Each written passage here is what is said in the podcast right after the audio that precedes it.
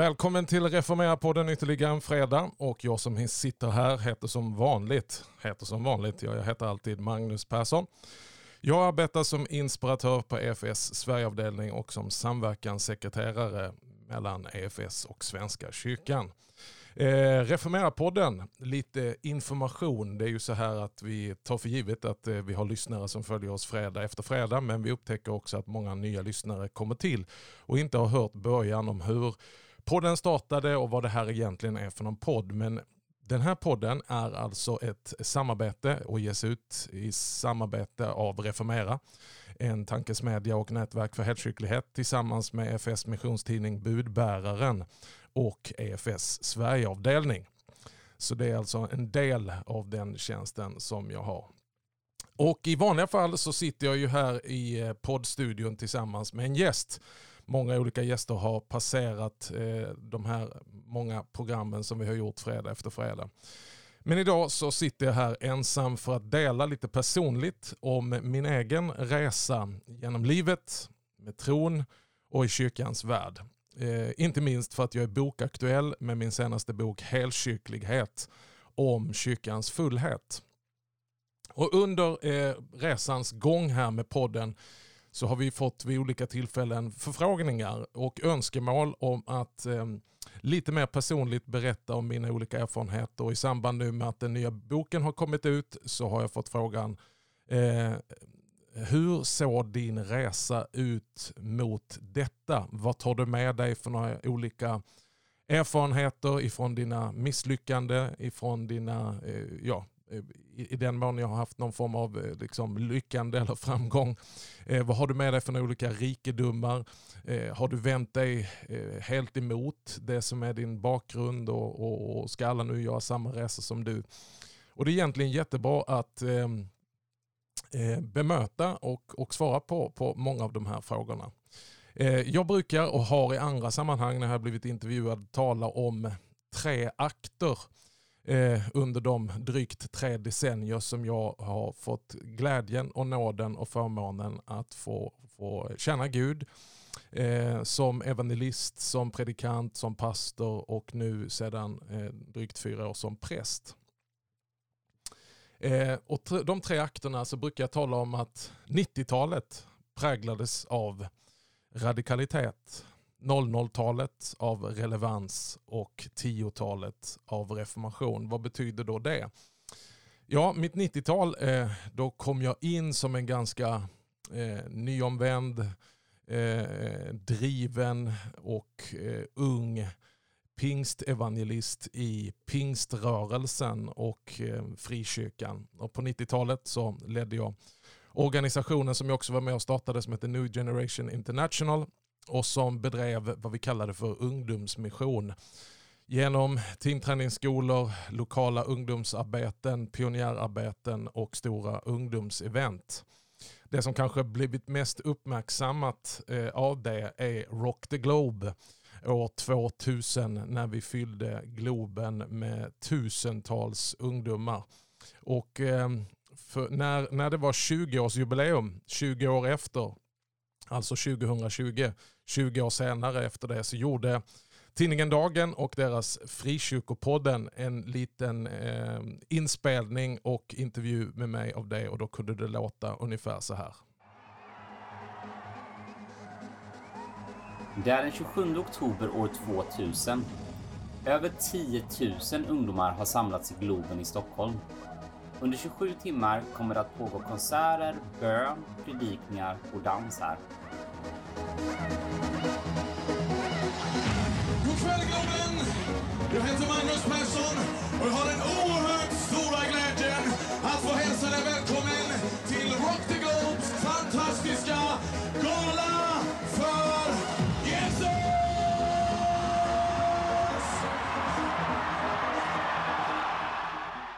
Ja, det är eh, gapigt och skrikigt och det var fullt tryck naturligtvis i Rock the Globe. Det hände många underbara saker där.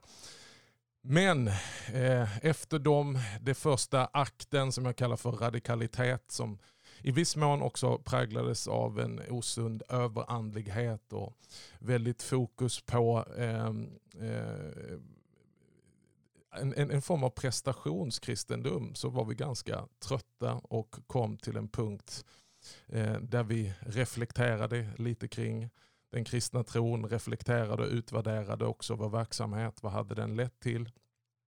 Vilket tar oss in till 2000-talet och 00-talet eh, som jag då menar präglades mer av en längtan efter att söka relevans. En rimligare form av kristen tro där det hade varit lite överhettat eh, under 90-talet. Eh, det var också eh, ett, ett, ett utslag naturligtvis av att vi inte själva bara var ungdomar längre utan att eh, mognad och ålderns, med ålderns rätt att vi, vi nu var många som var eh, småbarnsföräldrar gjorde att vissa saker insåg vi eh, att det här är inte hållbart och istället gör vi det jobbigt för ungdomar att, att göra den här övergången från tonårstid och ungdomstid eh, in i vuxenlivet eh, och finna en, en hållbar tro. Eh, och då var vårt sökande väldigt präglat av att hitta vad är Eh, eh relevant? Vad är eh, eh, eh, rimligt och hur kan man hitta en, en kristen tro som eh, inte bara är eh, överradikal och vänder sig till, till de som, som kanske redan har liksom någon kontakt med kyrkan utan hur kan vi göra tron tillgänglig för vanliga människor mitt i livet. Det ledde till starten av församlingen United Öresundskyrkan eh, i Malmö. Eh, och eh, vi hade en, en spännande resa med det församlingsbygget eh, som också var smärtsam. För det som präglar hela den här resan det är att det går väldigt snabbt, det är intensivt, det är till vissa delar extremt.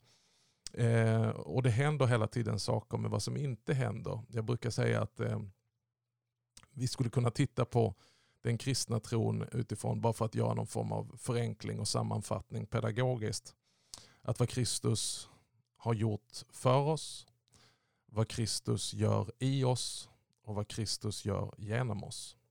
Och det här är ju olika dimensioner som hör ihop och som inte ska sättas mot varandra. Men problemet är, och där kommer vi till helkyrklighet, det är när man renodlar och isolerar och överbetonar vissa av de här delarna. Eh, och vi hade ett väldigt fokus under 90-talet på vad Kristus gör genom oss. Eh, vilket gör att, att det som hamnade i skymundan, det är grunden för alltihopa. Det är vad Kristus har gjort för oss och gett till oss och att Kristus är med oss. Men det som inte heller gavs väldigt mycket fokus det var vad Kristus gör i oss innan han kan göra någonting genom oss. Och Det här kom ikapp oss eh, och gjorde en, en, en eh, visade på bristen att det är svårt att ge någonting som du faktiskt inte riktigt själv har.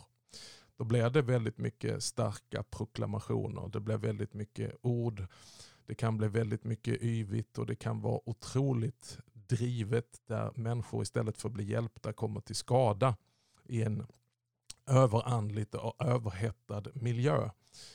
Eh, vilket gjorde att vi, vi, vi som en reaktion mot den här radikaliteten längtade efter en, en, en, en lite mer, vad ska man säga, anpassad och eh, eh, ja, jag letar efter orden här, men en, en, en eh, en kristen tro som inte bara uttrycks i stora event och konferenser och satsningar utan en, en, en tro för vardagslivet. Eh, och på den resan så började vi inse, och jag började inse, att eh, saker och ting som inte jag själv hade dealat med, saker och ting som jag inte helt enkelt hade varken gett tid eller gett fokus, Eh, för allt var så upptaget hela tiden med att eh, skapa tillväxt och se framgång. Medan eh, det fanns väldigt mycket kvar i mitt eget liv att eh, eh, växa till i. Eh, sår och skevheter att eh, ta tag i. Eh, men det fanns liksom inte riktigt den, den, det, det fokuset, det utrymmet och den tiden. Och därför så blev också starten på United, även om det var andra betoningar, så var det samma grej som, som drev oss, nämligen eh, behovet av att se tillväxt och ha framgång. Och United växte eh, utifrån i alla fall svenska mått mätt med en hyfsad eh, tillväxt. Eh, och det blev på nytt väldigt mycket folk och även om vi inte åkte runt och gjorde event så blev det här eh, ett pågående event i form av en lokal församling som drog väldigt mycket folk.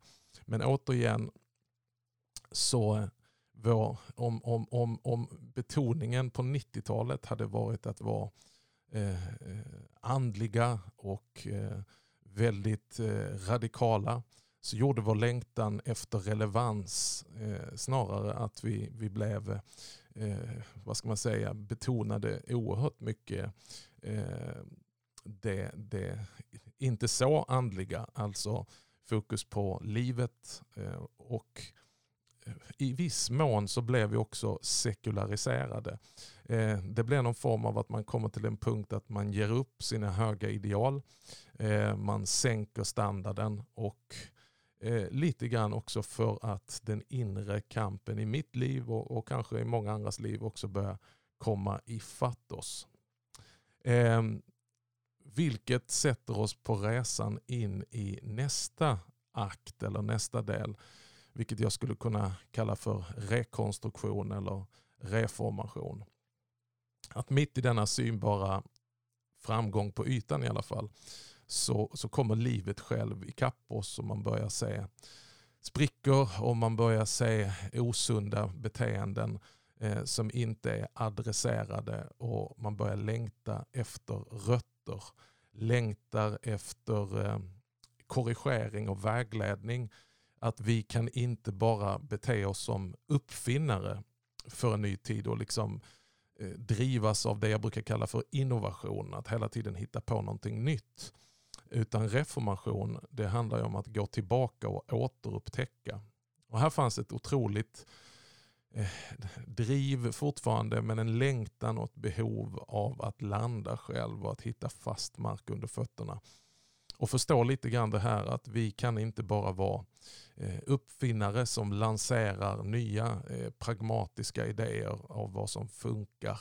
Utan vi är kallade att vara trogna förvaltare av den tro som en gång för alla har överlämnats åt de heliga. En gång för alla, alltså att tron kan inte omförhandlas utan vi behöver tränga in och komma tillbaka till källorna. Komma tillbaka till den tro som en gång för alla har överlämnats åt de heliga. Vad är den tron? Hur ser den kyrkan ut? Och det här eh, satte mig in på en, på en resa där jag började studera eh, Bibeln på ett nytt sätt. Eh, där vi efterhand började studera teologi, Eh, eklesiologi, det vill säga alltså läran om kyrkan. Vad är kyrkan? Kyrkohistoria. Eh, och började upptäcka en mängd olika rikedomar. Och på den resan så eh, är det många folk som frågar när började du tala om helkyrklighet? Och det är svårt att sätta något datum på det.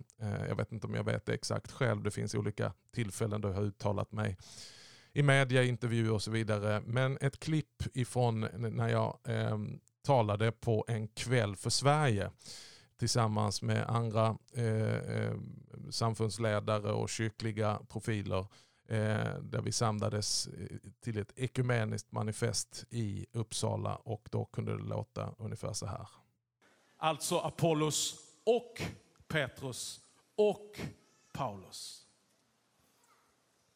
Jag har ännu inte funnit en etikett som enskilt rymmer det jag tror på. Och den fulla rikedom som hela Kristi kyrka rymmer och som jag tror att Gud önskar att alla hans barn ska få del av. Jag är absolut en pingstvän. Men titeln och etiketten pingstvän rymmer inte riktigt den fulla sanningen om vad jag tror. Jag är även en liten gnutta lutheran, mer än en liten gnutta skulle vissa säga. Problemet är att Luther, han kallar sig inte lutheran, utan han kallar sig för en reformerad katolik. Men jag är också baptist, kanske en liten gnutta metodist. Jag älskar mission och jag bygger mitt liv på det sanna livets ord. Nödrim. Jag är djupt berörd av William Boots vision om soap, soup and salvation. Jag tror det bor en liten frälsningsofficer här inne, utan kostym. Jag är enormt attraherad av asrörelsen som lyckas kombinera det sakramentala med det karismatiska, det historiska med det ekumeniska. Jag vill vara ortodox, men jag vill också vara relevant. Jag vill inte välja. Jag tror att vi behöver vara både missionala och diakonala. Kyrkan behöver fokusera både själavinnande och själavård.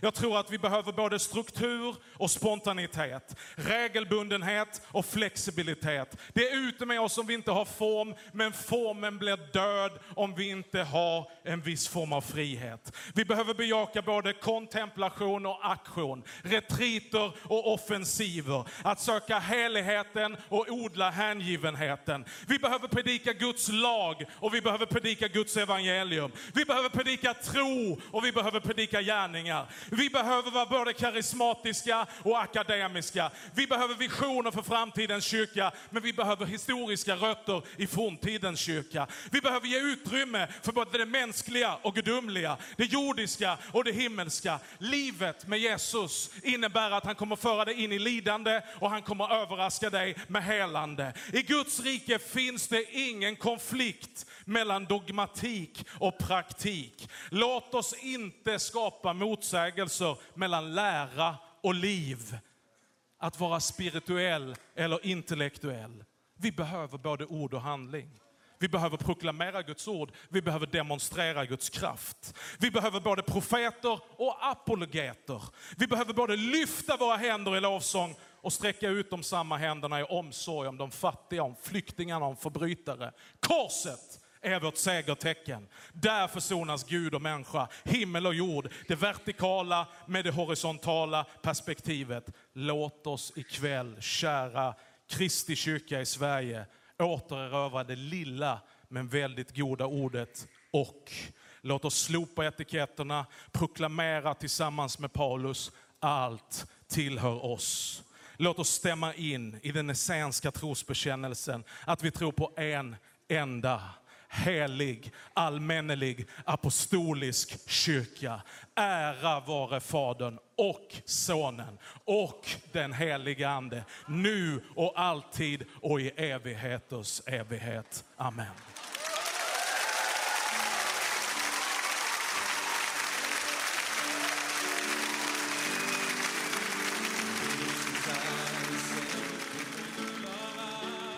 Ja, det är speciellt att sitta och lyssna på sig själv så här eh, när man eh, tittar på ett eh, klipp och lyssnar på en inspelning som är då sju, nästan åtta år gammal.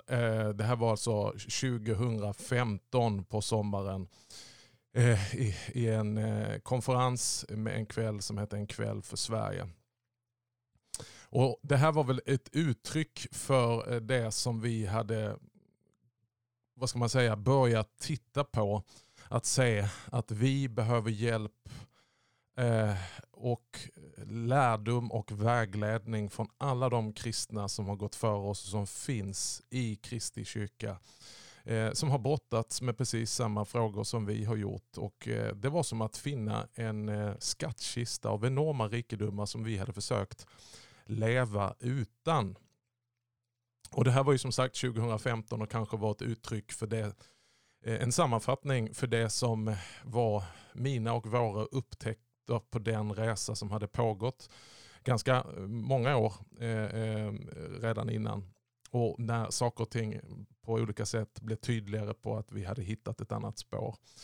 Men vårt hjärta var ju inte att vi ville liksom lämna någonting utan ta med oss de goda erfarenheterna som vi hade och lägga dem i en, ett större sammanhang och en större kontext av det som är Kristi kyrkas eh, samlade erfarenhet. Det som är Kristi kyrkas grundläggande tro. Ja, den tro som en gång för alla har blivit överlämnade till de heliga.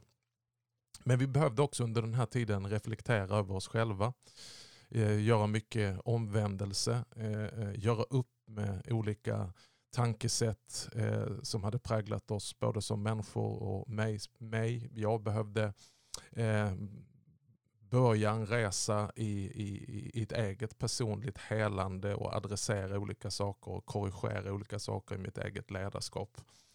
En, en, å ena sidan härlig tid men också en otroligt utmanande tid och en stor resa. Och du som eh, redan har läst Hällkycklighet eller börjat läsa boken Hällkycklighet, du, du känner ju igen lite grann av de här tongångarna. Även om det är väldigt eh, högröstat och väldigt eh, mustigt eh, så är det ett innehåll som, eh, som fortfarande kanske har blivit lite förädlat och som nu finns eh, i tryckt form i boken Hällkycklighet. Och eh, jag börjar ju tidigt i boken att ge exempel på många andra som långt före mig har, har eh, försökt staka ut den här vägen. Och en av dem som jag citerar är Peter Halldorf. Redan 1991 så mötte jag Peter Halldorf då jag gick på teamträningsskola på Bjärka Säby. Och jag citerar eh, i boken på sidan 34 och framåt något av det som han sätter ord på i sin bok Jungfrumark. Och eh, jag tar det citatet här också för att han sammanfattade så väl med, med, med ord som inte jag kan, jag kan inte hitta något bättre. Utan jag delar den här insikten. Och Peter Halldorf han skriver så här. Utan de andliga erfarenheter min egen uppväxt i pingströrelsen, liksom mötet med den karismatiska väckelsen gett mig. Erfarenheter som är och förblir omistliga, skulle mitt eget liv vara åtskilligt fattigare. Förutan alla de bönedagar och bönenätter som var den självklara miljön för en ung pingstvän som ville brinna för Gud skulle tron idag inte vibrera av samma längtan. Åtskilliga som har kommit ur heta andliga miljöer bär på upplevelser man känner en kluvenhet inför. För några blir minnet till en sur uppstötning. Förakt och avståndstagande tar överhanden. Men samtidigt är vi många som, brister och svagheter till trots, känner stor tacksamhet mot de andliga rörelser som fött och fostrat oss. Och den som i ljuset av historien och den större kristna traditionen får hjälp att sortera och urskilja kan i regel pröva, behålla det goda och lämna det mindre välgrundade. Det ligger i sakens natur att en väckelserörelse präglas av en iver och hänfördhet som ibland får de som sitter på åskådarplats att plocka fram sektstämpeln. Het och glödande som en nyväckt vulkan drabbar den sin omgivning. Oförskräckt ungdomlig entusiasm och djärv erövraranda har alltid kännetecknat reformrörelser i kyrkans historia. Det mesta är bättre än den lugna likgiltigheten som blir allt svårare att skilja från resignation. Så länge lyhördheten finns är i regel ingen större fara av färde. Låter man sig korrigeras av kyrkans samlade erfarenhet kan svagheter och överdrifter med tiden rättas till. Med följd att kristenheten befruktas av väckelsen i större skala. Allvarligare är det när förnyelsen leder till ett brott i traditionen och dess företrädare blir onåbara i övertygelsen om sin egen historiska roll. Exemplen är redan allt för många på väckelserörelser som så till den grad uppfattat sig som Guds utvalda och apostlarnas arvtagare att de har försummat att lyssna till den kyrka som har förvaltat arvet från urförsamlingens dagar fram till den egna tiden. Trots sin ursprungliga glöd och uppriktighet har sådana rörelser med tiden blivit parenteser i kristenhetens utmarker. Så långt citat Peter Halldorf.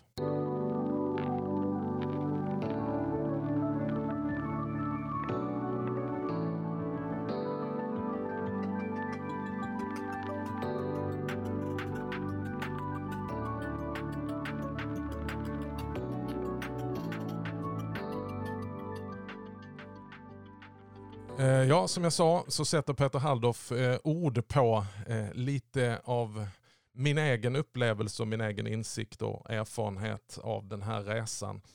Alltså det handlar inte om att enbart bara förkasta allt man har varit med om. Utan att låta det korrigeras och med hjälp av den kristna kyrkans samlade visdom, erfarenheter sortera att behålla det goda och eh, göra upp med sånt som är överdrifter, sånt som är osunt. Eh, men här har vi problemet att vi gärna delar upp oss och där vi förlorar det som är en nödvändig impuls till kyrkan att förnyas.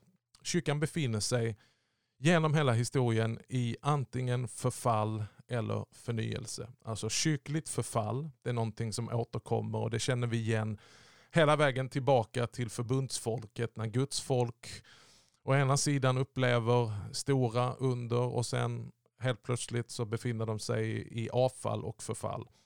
Och så sänder Gud förnyelse. Profeter, olika rörelser. Och kyrklig förnyelse är ju till för att upprätta kyrkligt förfall. Och kyrklig förnyelse och kyrkans tradition det är inte två motsatsförhållanden. Eh, eh, de ska inte stå i motsatsförhållande. Utan all sann av Gud given kyrklig förnyelse är inte tänkt att bryta med traditionen och, och, och upp, eh, liksom ett uppbrott från traditionen och kyrkans tro och lära och kyrkans ordningar. Utan det är ju snarare så att kyrklig förnyelse handlar om att upprätta kyrkan och upprätta kyrkans goda och sanna tradition. Och det är någonstans det som jag drivs av och som har drivit min resa hit till den punkt som jag befinner mig idag. Eh, det vill säga det Paulus säger i Efesierbrevet 3. Det är bara tillsammans med alla de heliga som vi, vi kan förstå både höjden och djupet, bredden och längden. Och så bli helt uppfyllda av Kristi kärlek och Guds fullhet.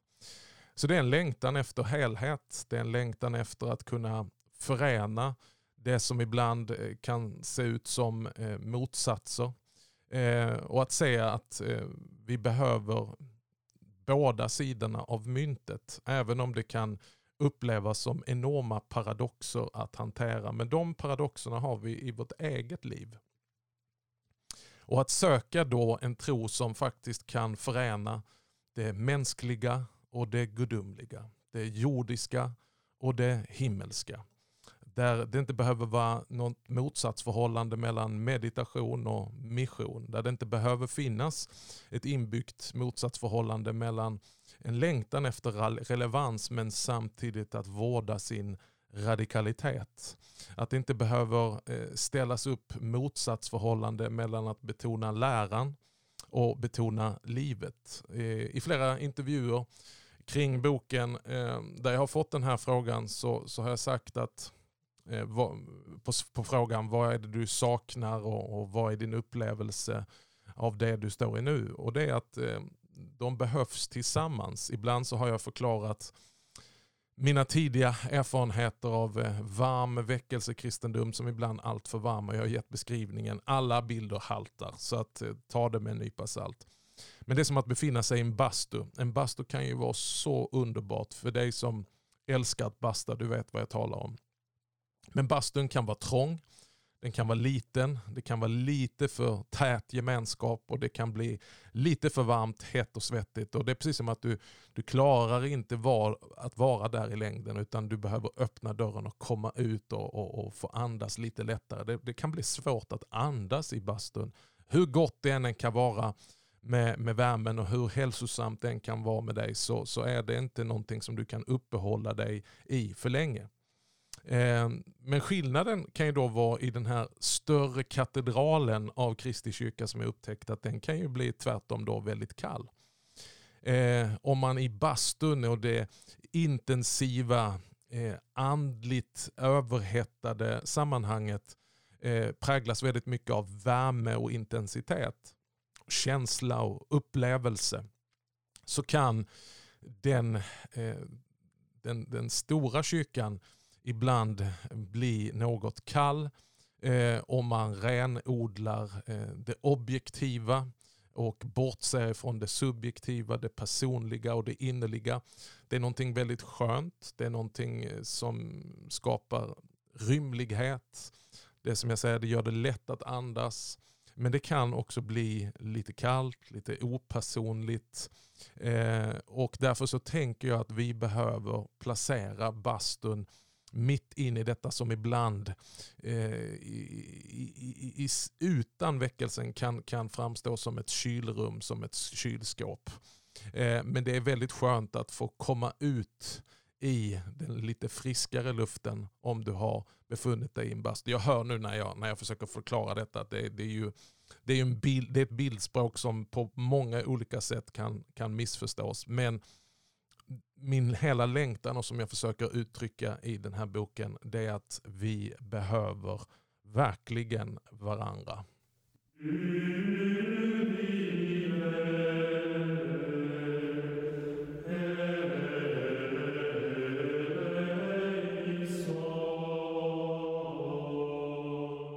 En annan person som jag skriver om i boken och ett exempel som jag tar som har gjort en liknande helkyrklig Eh, resa är Brian Sand. En gång känd som pastor för en eh, megakyrka i USA med kanske lite framgångsteologiska influenser. Eh, och hans berättelse har inspirerat många, även här i Sverige. Hans berättelse om hur han upptäckte kyrkans fullhet och det skildrar han i flera böcker men inte minst i boken From Water to Wine. Jag hörde talas om Brian Sand tidigt i min resa, långt innan eh, jag hade kommit fram till de här sakerna. Och då var han nog mer känd som en just eh, megapastor.